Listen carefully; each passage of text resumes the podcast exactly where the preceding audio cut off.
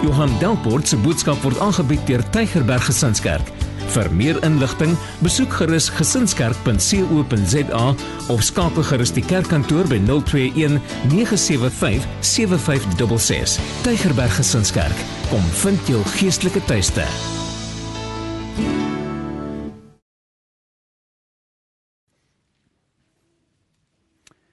Kom ons bid net saam. Vader, terwyl die woord oop lê, is dit elkeen van ons se begeerte om U beter te leer ken. Ons kom bid, Here, dat U deur U woord aan die woord sal kom en in elkeen van ons se lewens sal werk. Here, want ons weet niemand wat in U teenwoordigheid is bly onaangeraak nie.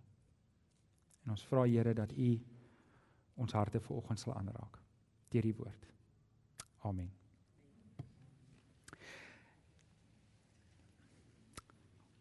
Ons begin hierdie nuwe reeks oor die karaktereienskappe van God en hierdie reeks is 'n groot reeks en ek besef ons kan nie eintlik in hierdie 10 weke alles sê wat daar is om te sê nie, maar ek dink ons kan 'n poging aanwend.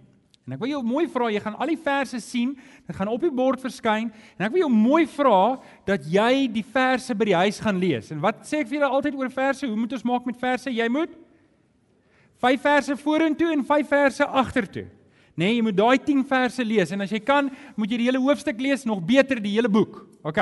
Maar oh, ek wil net hê julle moet hierdie verse doen. Hierdie is 'n belangrike reeks en um, ons gaan 'n studie doen oor God se karakter. Maar ek wil vir julle dadelik sê, daar's dadelik 'n spanning wat ons het wanneer ons hierdie reeks aanpak. Aan die een kant het ons die kenbaarheid van God en aan die ander kant het ons die onkenbaarheid van God. Aan die kant van die kenbaarheid van God het ons alles wat ons kan weet wat God deur sy woord en deur die Here Jesus aan ons kom openbaar het. Dis die kenbare kant. Ons het hierdie karaktereienskappe wat ons van God gaan bestudeer om hom beter te leer ken. Maar daar's ook 'n onkenbare kant van God, want geen mens met 'n brein so groot soos myne en joune kan God volledig verstaan nie. Amen. Amen. So met ander woorde, ek wil hê julle moet verstaan, ek probeer nie dit doen wat ons nie kan doen nie. Ek probeer dit doen wat ons kan doen. Nou, ek het ook besef dat ons gaan kyk na 15 van die hoofkaraktereienskappe van God. En dis baie moeilik want wanneer jy by my kom en ek moet jou verduidelik hoe iemand is, maar ek kan net een karakter per dag met jou bespreek, dan gaan jy huis toe gaan na die eerste dag met 'n verkeerde idee van iemand. Daar daar's 'n Dion Arp. As Dion Arp, as ek vir julle sê Dion Arp is die vriendelikste ou wat bestaan en jy kry hom 3 uur in die oggend, dan gaan jy dink nee man, hierdie ou weet nie waarvan hy praat nie. Nou kom maar Dion Arp is 'n mens, okay. So, dis Dion. Dion is dit waar van jou? Wil net hoor. Okay, ja, hy bevestig ek praat die waarheid.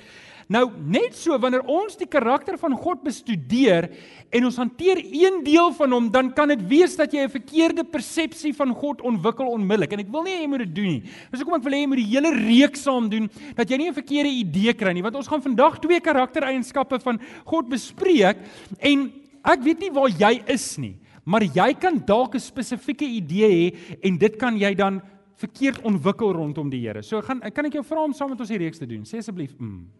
OK, nou om daai ding uit te beeld, het ek 'n puzzle gemaak. Dit lyk klein, hè? Maar dis A0. Ek dog A0 is lewensgroot as hy in jou kantoor is, maar sy hier is soos net klein. OK, so elke week gaan ek die legkaartstukke op die bord sit net om jou te herinner Ons is besig met die karaktereienskappe van God. En terwyl ons dit doen, sien ek het nou al klaar my puzzles verkeerd. Hier, ek het dit goed genommer om nou dit nie verkeerd te doen nie, maar hier is dit nou klaar. As ek 'n legkaart bou, begin ek altyd by die kante. Ek weet nie wie van julle doen dit ook so nie. Maar ek sal mens nou nie uitgee as 'n meester legkaartbouer nie. Maar ek wil hê wanneer jy hierdie bord sien en elke week kom daar nuwe stukke van die legkaart by, wil ek hê jy moet jouself herinner, Weet julle wat se prentjie sien julle daar? Wie van julle kan met 100% sekerheid sê ek weet wat daar aangaan, behalwe Rian en die mense wat vir Rian ken. OK, so as jy nie die prentjie gesien het nie, weet jy nie. So ek wil jou mooi vra, terwyl ons hierdie reeks doen, as ek klaar gepreek het, dan moet jy dan moet jy so dink oor die preek om te sê ek het nog nie die hele prentjie. Sal jy probeer om dit so te doen? OK, so ons doen vandag twee karaktereienskappe. Voordat ek oor die karaktereienskappe praat, moet ek dalk begin by die 10 gebooie. Die 10 gebooie is 'n baie spesifieke en 'n baie spesiale openbaring van God. En ehm um, ek het uh, by die by die by die Paasdiens het ek vir julle gesê ek is geneig om God menslike eienskappe te gee sodat ek hom kan verstaan. Onthou julle dit die van julle wat hier was. En ek wil bietjie meer uitbrei daaroor want Numeri 23 vers 19 sê God is nie 'n mens nie. God is nie 'n mens nie en ek wil hê ons moet dit die heeltyd in gedagte hou. Die eerste 4 gebooie gaan van die 10 gebooie gaan oor 'n verhouding met God. Dis ons horisontale verhouding. OK, die ander 6 gebooie gaan oor ons verhouding met die medemens, nê? Nee? En toe die Here Jesus moes antwoord, wat is die belangrikste gebod? Wat het hy gesê? Jy moet die Here jou God lief hê met jou hele hart, met al jou krag en jou hele verstand. En die tweede ding wat daarmee gelyk staan is jy moet jou naaste lief hê soos jouself. Nou oké, okay, dit som op in die 10 gebooie. Die eerste 4 gaan oor jou verhouding met die Here en die tweede gaan dan die tweede deel gaan dan oor jou verhouding met met God. Nou ek weet dit is nie op jou raamwerk nie. Is dit op jou raamwerk die 4 gebooie? Nee. Okay, as dit is, dan wil ek jou nooi om in te skryf. So die eerste ge, die eerste gebod lees ons in Eksodus 20 vers 3 wat sê jy mag naas my geen ander gode hê nie. So dis die eerste een, daar is net een God. Daar is net een God. God se vyand is Satan en hy probeer my en jou aandag gedurig aflei, probeer gedurig aan ons iets verkoop dat ek en jy afgode in ons lewens kan kry. Nou ek en jy maak dalk nie afgode, sit 'n beeld op, bou 'n beeld met klei of met hout en sit hom daar en die aand as ek daar verbykom gee ek vir hom 3 appels nie. Ek dink niemand van julle wat hier sit doen dit nie want julle bely julle is Christene. Amen. OK, so so maar daar's ander afgode wat baie keer in ons lewens kan insluip. Ons sal nou net meer daai so sê. Die tweede gebod is dan natuurlik dan nou geen afbeelding. Eksodus 20 vers 4 tot 5 sê jy mag nie vir jou 'n beeld of enige afbeelding maak om te aanbid nie. Nou as ons vir mekaar sê daar bestaan net een God, dan dink ek ons gaan dalk nie in die risiko beland om 'n beeld te bou om te aanbid nie. Maar ek dink ons kan in die strik trap om ons kinders te verafgod. Ons kan dalk in die strik trap om ons geld te verafgod. Ons kan dalk in die strik trap om ons besittings te verafgod. Maar die volgende ene dink ek is baie keer die grootste risiko is om 'n afgod van ons eie God te maak. En ek gaan dit nou mooi verduidelik. En ek dink baie mense doen dit sonder dat hulle besef. Ek gaan nou daaroor praat. Gebod nommer 3 is heilig sy naam. Eksodus 20 vers 7 sê jy mag die naam van die Here jou God nie misbruik nie. En um julle weet al vier van hierdie gebooie, waar al 10 gebooie as jy dit oortree, was daar een of ander vorm waarop jy die doodstraf kon kry. Net vir die kantlyn. So jy moet sy naam heilig hou. Die gebod nommer 4 is eer God. Dan gaan oor die Sabbat, Eksodus 20 vers 8 wat sê sorg dat jy die Sabbatdag heilig hou wat die Here gedoen het. Hy die sewende dag 'n gereelde rusdag ingehou. Jy mag nie werk nie. Jy mag nie op vakansie gaan nie. Jy mag nie gaan enigiets doen nie. Jy moet by die huis bly en jy moet God eer in daardie dag. So die fokus was nie net rus nie, die fokus van rus om God te eer. Hoekom het die Here dit gedoen? Sodat niemand 'n verskoning het om te sê, maar ek moet nou my bed opmaak of ek moet nou gaan kos maak of ek moet nou gou-gou soen toe gaan of ek moet nou nou soen toe gaan nie. Die Here het sy volk gedwing om te sê, "Eendag soek ek van jou om toe te wy aan my sodat jy my kan eer." So dis uit die Sabbatsdag wat dan nou daarin gewerk word. Nou oké. Okay. Numeri 23 vers 19 wil ek sê God is nie 'n mens nie. So hoe lyk die karakter van God? Daar's 'n man, 'n agnostikus wat beteken hy glo dat daar 'n God kan wees. Kan ons hom verduidelik? Wie weet? Lyk hy soos wat ek en jy dink? Ons weet nie regtig nie. Maar is so half van 'n noukeer houding. God is daar as ek kyk om my, bestaan 'n God maar ek weet nie hoe hy lyk en wie hy is nie. Nou, dis wie hierdie ou was. Voltaire, is 'n Franse filosoof en agnostikus, het spottend na Christene gesê: "Julle sê God het die mens gemaak in sy beeld en toe het julle gegaan en julle het God gemaak na julle beeld." Wil dit net weer lees dat julle net verstaan want dis waarna ek nou-nou verwys het. God het die mens gemaak na sy eie beeld En die mens het toe dieselfde gedoen met God deur om hom af te bring en 'n beeld te maak van hom om te aanbid. Natuurlik het hy dit krities bedoel. Hy het spottend gesê, maar ek dink daar steek baie waarheid daarin. Ek het baie keer met Christene te doen wat as jy met hulle praat oor die regte verstaan van die woord en jy begin met hulle praat oor hoe God is, dan sal hulle sê, "Aa, uh -uh, nee, ek wil nie dit hoor nie. Ek weet wat ek glo en ek glo wat ek glo." Moenie vir my iets anders sê nie. Bla bla bla bla. Julle julle ken dit, né? Nee? Soos jy kinders maak. En en en julle as ek enigiets anders van God glo behalwe wat ek in die woord van die Here kry, dan het ek 'n afgod gemaak wat ek noem God, maar dis nie meer God nie. Dis 'n afgod. Dis hoekom hierdie studie geweldig belangrik is. Ek wil net hê is almal op die bladsy. Ek is so bang ek verduidelik die ding verkeerd en iemand verstaan nie. Maar as jy nie verstaan nie, kan jy na die tyd toe na my toe kom. Alraai.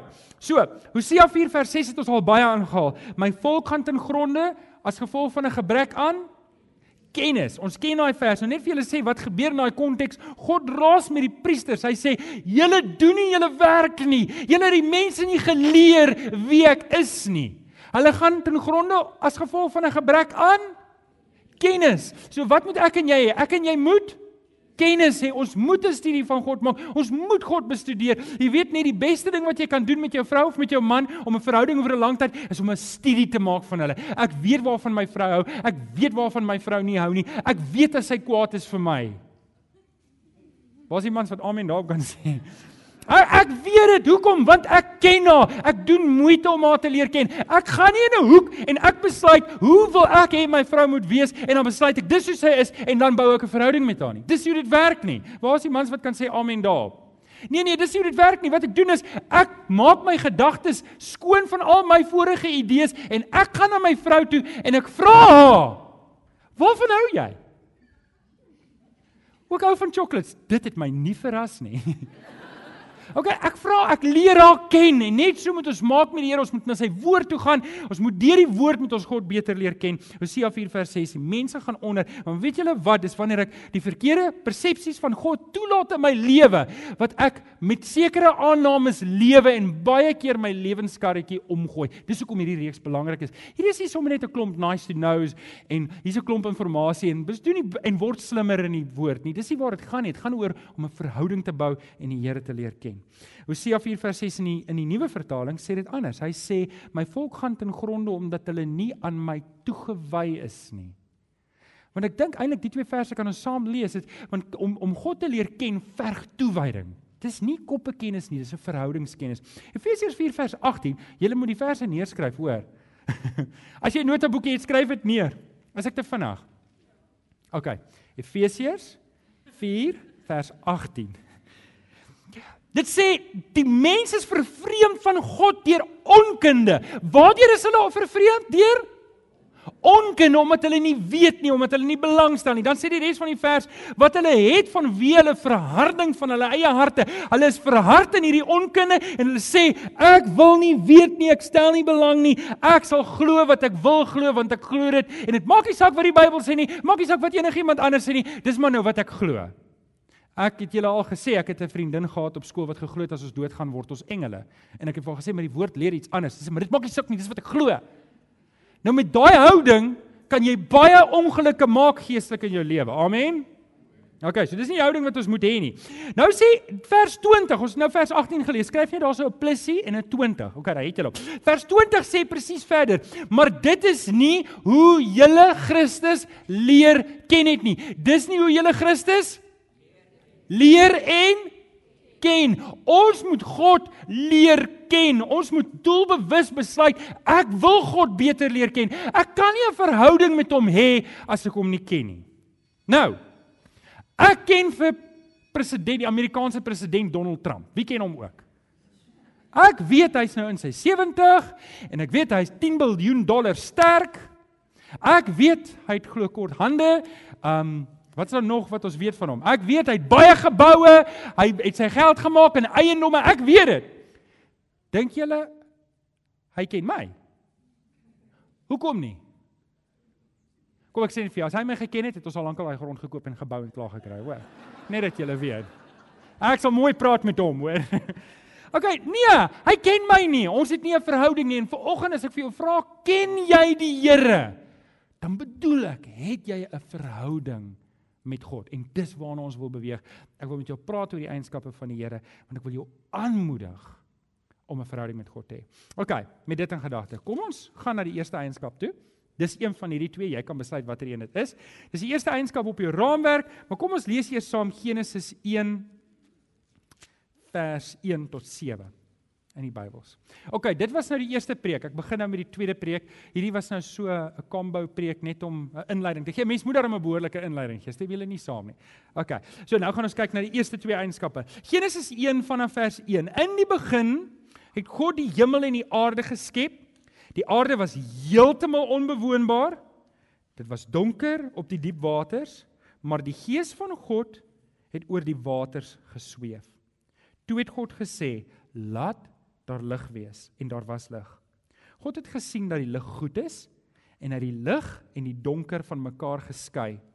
God het die lig toe dag genoem en die donker het hy nag genoem. Dit het aand geword en dit het môre geword. Dit was die eerste dag. Toe het God gesê: Laat daar 'n gewel wees tussen die waters en die waters van mekaar skei. So het dit gebeur. Net tot daar. Wanneer jy daai hele verhaal deurlees en jy lees daai hele hoofstuk deur, kry jy baie God het gekyk, hy het besluit, hy het gedoen, hy het gesê en dit het gebeur.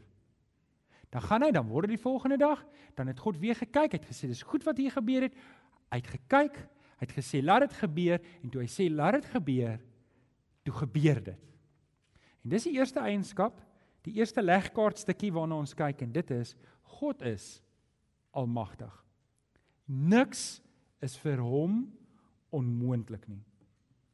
Chris, ek dink hy's op die bord daar nie. Niks is vir God onmoontlik nie.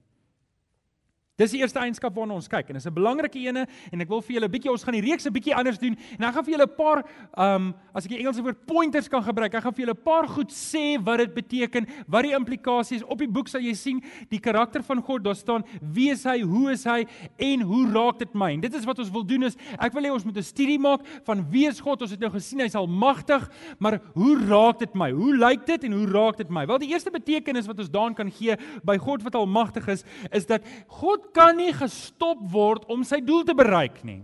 Hy kan nie wanneer hy iets beplan, dan is daar niemand wat so sterk is om hom te stop nie. 2 Kronieke 20 vers 6 6 sê niemand kan teen hom standhou nie. Niemand kan teen God toon teen toon gaan staan en sê Here, nou is ek reg vir 'n bekleierery nie. Niemand kan dit doen nie. Ek en jy kan dit nie doen nie. Ek en jy kan van die Here 'n meningsverskil hê, maar as ek en die Here in 'n bekleierery sou betrokke raak, sou ek altyd nie tweede of derde of vierde kom nie, ek sal net eenvoudig laaste kom.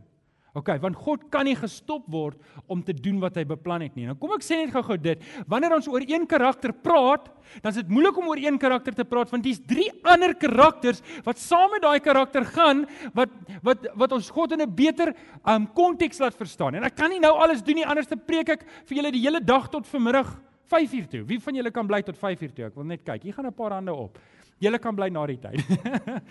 um so, God kan nie gestop word wanneer hy iets beplan nie. Daniël 4:35 sê teenoor hom is al die bywoners van die aarde soos niks.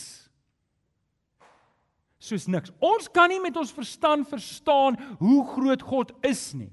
Ons kan nie. Ons ons verstand is te klein. Ons word gebind aan ons eie beursie.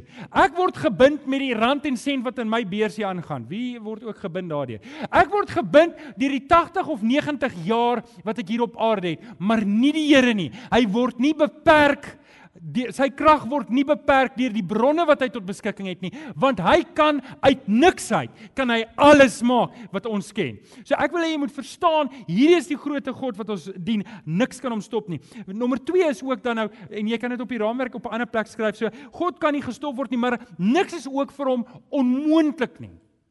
Niks is vir hom onmoontlik nie. Ons sê Jesus sê dit.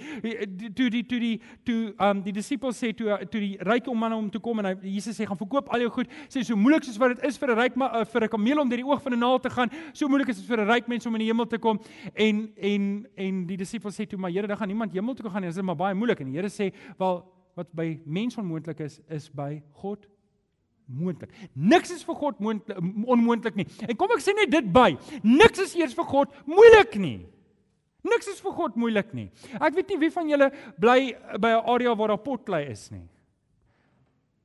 Uh by die tuin, ek praat net van die tuin. Julle is glad nie tuinwerkers nie, nê.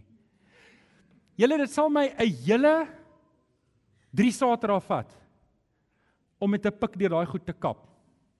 En as ek poot uit, dan as ek moeg. Julle God raak nie moeg nie.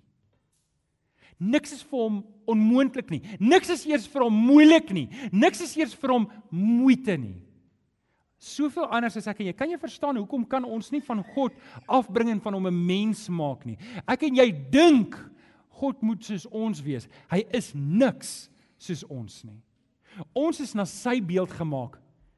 Nie hy na ons beeld nie. OK, so niks is vir hom onmoontlik nie. Lukas 1:37 is ook die gesprek wat hy gehad het daar. Niks is vir God onmoontlik nie. Ek dink ons sukkel baie keer om hierdie goed te verstaan. Ek dink ons sukkel baie keer en en hoe moet ek nou reageer hierop? Ek wil ek wil vir jou ek wil vir jou sê hoe kan jy reageer? Op eerste ding hoe ons hier op kan reageer is ons moet God respekteer. Weet as ek klei vat en ek maak 'n beeld. Ek spandeer 3 weke om hierdie beeld te maak uit klei uit en daar staan hy. En nou gaan sit ek hom in 'n groot oond en ek bak hom dat hy kliphard is en ek bring hom uit en my vrou is baie kunstig en ek vra vir haar om die ding te verf en sy verf vir hom twee mooi oë en die blouste oë wat jy al gesien het en sy verf vir hom toenails en allerlei mooi goedjies en daar is die kleibeeld wat gebak is. En ek vat hom op 'n 'n trolley en ek stoot hom in my sitkamer en ek sit 'n downlightertjie op hom en ek begin die ding aanbid. Kan jy hoor hoe belaglik is dit? Hoe kan ek respek hê vir 'n ding wat ek self gemaak het? Hoe kan ek respek hê vir 'n ding wat ek self opgemaak het? Ek kan mos nie respek hê vir dit nie. Ek kan vir die ding 'n paar appels neersit en ek kan hom aanbid en ek kan sê, "O, jy's 'n mooi beeld." Maar eintlik streel ek net my eie ego. Ek kan nie respek hê vir 'n klein God nie. Maar as ek besef my God praat, hy sê, "Laat daar lig wees." En ons lig. En hy sê, "Laat die waters in die aarde skei en die aarde bewe en die rotse skeur in ons berge." Kan jy dit dink hoe magtig God moet wees dat hy iets sê en dit gebeur? Nou vir daai God kan ek respek hê. Daai God kan ek aanbid. En dis die God wat ek aan jou aanbid. Sê bietjie amen toe. Ek wil hê jy moet vanoggend ook 'n ding in jou hart hê van die Here dat hy's groot en en en en niks is vir hom onmoontlik nie en hy is betrokke in my en jou lewe en dit bring my by die volgende ding is hy is 'n vaste toevlug. sien wanneer ek in die moeilikheid is. Wanneer ek in die moeilikheid is by die werk en ek moet huis toe hardloop na my beeld toe en ek staan by my beeld dan's ek regtig in die moeilikheid. Stem julle saam? Want daai beeld kan niks vir my doen nie. Ek moet alles vir die beeld doen. O, wil die beeld nou uitgaan? Nou moet ek die beeld uitsoek. O, vir die beeld daar toppie verf af. Moekie, bring die verf en verf net weer die beeld reg. Ag, oh, daar's hy mooi. Kom ek kan bid vir die beeld. Kan jy laat dink hoe verspot moet dit wees? Ek en jy aanbid die almagtige Vader. Ons aanbid die almagtige Vader en hy is lief vir jou. Maar dit mag ek nie nou sê nie want dis een van die ander. Delete daai stukkie. Skom daar. Ons aanbid die Almagtige. Psalm 91 vers 1 en 2. Hy wat by die allerhoogste skuilings vind en die beskerming van die Almagtige geniet. Hy sê vir die Here: U is my toevlug, my veilige vesting, my God op wie ek vertrou. Waar kan ek gaan wegkruip? Ek kan by die Almagtige God gaan wegkruip. As jy in die moeilikheid hardloop so vinnig soos jou bene jou kan dra, gaan soek skuilings by die Here. Is dit nie 'n wonderlike gedagte nie? Dis die God wat jy aanbid. Hy's almagtig. Hy het nie net alles geskep nie maar hy bied skuilings vir my en jou. Hy bied skuilings vir my en jou. Wanneer dinge moeilik gaan, hy is daar vir ons. Amen. Jo, ek gaan sukkel met hierdie reeks om nie laat die lyne kruis nie, nê. Maar ek sal probeer. OK. Nommer 2. Die tweede eienskap wat ons nou kyk, ons nou klaar met die een en daai ene, nou gaan ons na die ander ene toe. Hy is soewerein. Hy is soewerein. Hy doen wat hy beplan het. Daar is 'n daar is 'n gedagte onder tussen lande en wat hulle noem elke land het 'n soewereine regering. Ek weet nie of julle daarvan gehoor het nie. En wanneer jy sê 'n land het 'n soewereine regering soos Amerika, is soewerein, dit beteken hulle neem hulle eie besluite. Suid-Afrika kan nie 'n afvaardiging na Amerika toe stuur en sê hoor julle moet nou dinge anders doen nie. En en dis 'n teoretiese ding want eintlik is daar maar seker net 2 of 3 regte rolspelers, die res moet maar luister. Want uh, as hulle sanksies begin weet hef en allerlei goeters dan jy weet julle weet die wêreld grom op hierdie stadium vir mekaar. Dis asof die oorlog wat nou moet kom, gaan binnekort kom. Nou, dis Noord-Korea en dit is Amerika en dis Rusland en almal is kwaad vir almal. Maar die gedagte van 'n soewereine state beteken jy mag nie vir my sê wat ek moet doen nie. Dis my land, ek sal besluit wat ek hier doen. Jy het jou eie land, maar wanneer jy iets doen waarvan ek nie doen nie, dan gooi ek 'n bom op jou en dan moet jy iets anders doen. Weet so, so dis net 'n teoretiese ding. Maar nou wanneer ek vir julle sê God is soewerein, dan moet ek een woord bysit en dit is absoluut. God is absoluut soewerein. Nou ek het daai illustrasie van die lande gebruik dat jy iets moet verstaan van ons God is dit dit wat hy wil doen dit doen hy. Dit wat God wil doen dit doen hy. Dit is wat absolute soewereiniteit beteken. En daar's niemand wat oor God se skouer loer en vir hom sê, "Ag, ah, ek kan nie dit doen nie."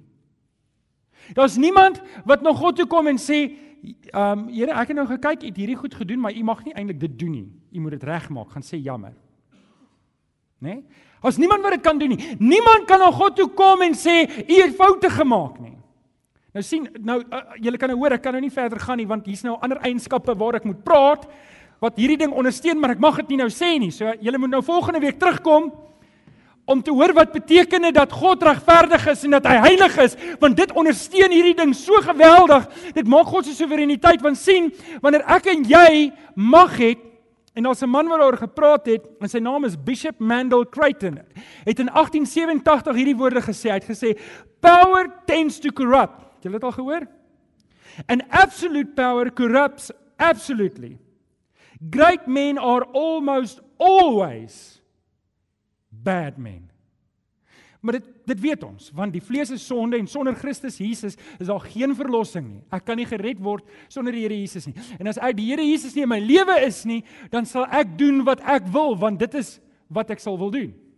Maar wanneer ons sê God is soewerein, dan sal ons volgende week die ander eienskappe sit wat dit bysit om dit goed in prentjie te sit. Kom ek sê net so drie voorbeelde van man.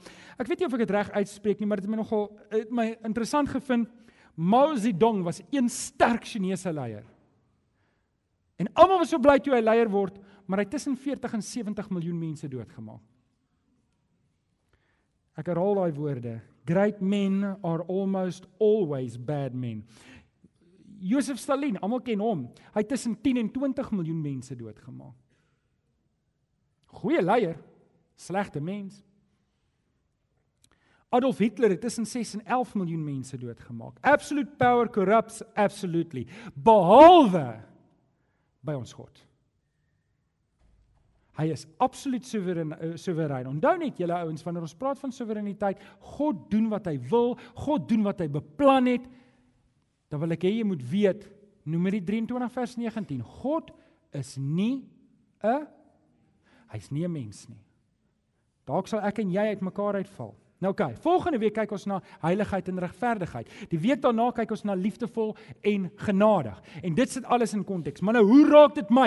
Hoe raak dit my dat God soewerein is? Hoe raak dit my dat niemand vir God kan sê wat hy moet en wat hy nie moet doen nie? Hoe raak dit my lewe om dit te besef? En ek wil vir jou twee belangrike belangrike goed gee wat jou kan aanmoedig en dit kan jou bemoedig waar jy nou is in jou lewe. En die eerste ding is en ek weet jy het nie skryfplek nie, so as jy iewers het, skryf dit onder op jou tekkie as jy moet, maar skryf dit iewers sê ek moet God vertrou met die gebeure in my lewe. Daar gaan goed in jou lewe gebeur en party van daai goed gaan wees omdat ek self opgemors het. Wie het al opgemors? En jy het sleg tweede gekom. Maar dit kan wees dat ander mense opmors en dit raak jou. Partykeer gebeur goed net en jy weet nie wie het opgemors nie, maar hier is ons nou in ons tamaletjie. En ek wil hê jy moet hierdie woorde hoor wat Josef praat. Josef word deur sy broers, deur sy 10 broers in die put gegooi en toe wil hulle hom doodmaak, toe verkoop hulle hom aan 'n Egiptiese slawehandelaar en hy's toe weggevoer. Hulle gaan toe na die pa toe en sê vir hom: "Hoorie, ons is vreeslik jammer Jakob, maar jou seun is dood. Kyk, hier sy klere wat die wilde diere hom mee verslind gesindheid en sy bloed is nog steeds. En Josef beland by Potifar en Potifar se vrou lieg blaatant en sy vat aan hom, jy onthou die storie. Hy skrik om flou, los hy baadjie daar en hardloop weg. En en en sy sê ja, maar die man het my gevat en ek het geskree toe hardloop hy weg. Toe beland hy in die tronk. Jy onthou die storie. Kom, dit is sonnaskool, graad 2 sonnaskool. Jy onthou dit, nê? Nee. En en en hier is hierdie man en en en sy dis alles sy broer se skuld en ek kan dink op 'n stadium kon hy onder die versoeking kom in die tronk toe hy daar bly en dit voel of hy daar gaan bly dat hy doodgaan en en, en, en, en ek kan dink hy kon begin om sy broers te haat. Te haat en te sê hierdie verdomde broers van my, kyk wat het hulle aan my gevat. Hulle het hulle het hierdie lelike dinge aan my gedoen en en dit kan wees dat daar mense in jou lewe is wat jy op hierdie oomblik haat want hulle het lelike goed aan jou gedoen. Ek wil hê jy moet hierdie woorde hoor wat Josef sê in Genesis 50 vers 20. Hy ontmoet sy broers. Hy het die mag om hulle dood te maak. Hy het die mag om dit nou gelyk te maak om te sê dis hoe dit nou gaan wees. Hy het die mag, hy kan dit nou doen. Julle kan die storie weer gaan lees, maar hy sê hierdie woorde. Julle wou my kwaad aandoen. Maar God wou daarmee goed doen. Dit kan wees dat jy in 'n posisie is nou in jou lewe waar daar mense is vir wie jy kwaad is. Mense wat jou regtig baie baie skade aangedoen het. Mense wat dalk baie naby aan jou is en ek weet nie wie dit is nie. Dalk 'n eksman of 'n eksvrou, dalk 'n ma of 'n pa, dalk 'n besigheidsvernoot. Ek weet nie, maar ek wil vir jou hierdie woorde los van die soewereiniteit van die Here. Ek moet jou hierdie een vraag vra: Ken jy die Here Jesus as jou verlosser en saligmaker? As jy ja kan sê daarop, dan tel daar ander reëls vir jou. Genesis 50 vers 20. Julle het bedoel om sleg te doen aan my. Maar God het goed bedoel daarmee. En weet jy wanneer in jou situasie is wanneer dinge so sleg lyk en jy sê Here, ek is dalk presies nou waar ek moet wees sodat U my kan gebruik. Het jy al so gedink oor jou lewe? Dalk dalk is jy nou presies daar waar die Here jou wil gebruik. Dis die eerste ding wat ons moet doen wanneer ons dink aan God se soewereiniteit. Ek moet God vertrou met die gebeure in my lewe. Maar die tweede ding wat ons moet doen, is die laaste een, en dankie Kenny. Die tweede een is ek moet God vertrou met die rigting en die planne van my lewe. Spreuke 16 vers 9 sê 'n mens beplan sy pad, maar die Here bepaal hoe hy loop. Die Here bepaal hoe ek ek en jy kan planne hê. Ek kan onthou toe ek 21 was, het ek baie planne gehad baie voortvarend geweest. Ek gaan dit doen met my lewe en ek gaan dit doen en ek gaan dit doen. Ek is nog steeds voortvarend, ek is net nie meer 21 nie. En kan ek vir julle sê in my in my wilste drome sou ek nie gedink het om 'n kerk in Durban wil te kom plant nie. Ek sou kon dink dat die Here my op hierdie pad sou lei nie, maar dis sy soewereiniteit. Hy lei my op 'n pad. Ek het drome en ek maak planne en die Here laat dit toe, maar hy omvou my. En dis wat hy doen met sy soewereiniteit. Hy omvou my. En dalk sit jy hierso en jy het planne en jy het drome en jy het visies en jy het al hierdie dinge in jou hart. Maar ek wil hê jy moet vanoggend dit ook vir die Here gee. Ja, maak jou planne en droom jou drome, maar droom dit in die Here. Droom dit vanoggend in die Here en kom na die Here en sê Here, hier is my hele lewe. U soewereiniteit sal bepaal dat ek loop waar U my wil hê, maar ek moet U dien. Dien jy ver oggend die Here? Ek wil afsluit met hierdie paar gedagtes. In Johannes 14 vers 6 staan daar ek is die weg en die waarheid en die lewe. Dis Jesus wat praat. Niemand kom na die Vader toe behalwe deur my nie.